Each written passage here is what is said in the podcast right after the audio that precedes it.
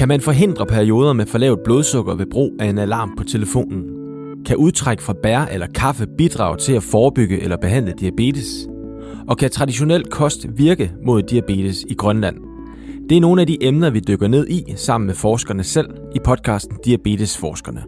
Hvis vi kan hjælpe øh, folk med et værktøj, der kan komme med en risiko for, om de får en, en episode med meget lavt blodsukker inden for den kommende tid, jamen så kan man være mere tryg at behandle sig selv med insulin. Naturen har jo sit eget apotek, det skal bare opdages. Det vi kigger på her, det er stoffer, som findes i kaffe, og stoffer, som findes i nogle forskellige bær. Altså hypotesen er jo, at begge de her to typer bioaktive ingredienser, at de kan sænke blodsukkeret. Missionen er der helt klart, at, øh, at, at vi skal kunne spare på nogle øh, lægemidler og, og ligesom have noget, der er lidt mere jordnært, som vil kunne anvendes øh, til behandlingen. Derudover forhåbentlig en billigere behandling, og forhåbentlig med færre bivirkninger.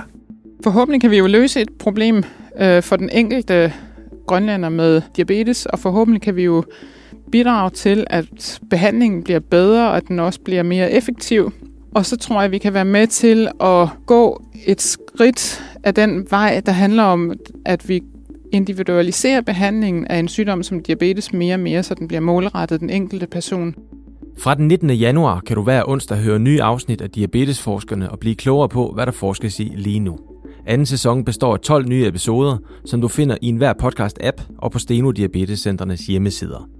Podcasten udgives af netop de seks Steno Diabetescentre og produceres af podcastbureauet Kontekst og Lyd. Jeg er din vært, jeg hedder Simon Brix. Rigtig god lytning.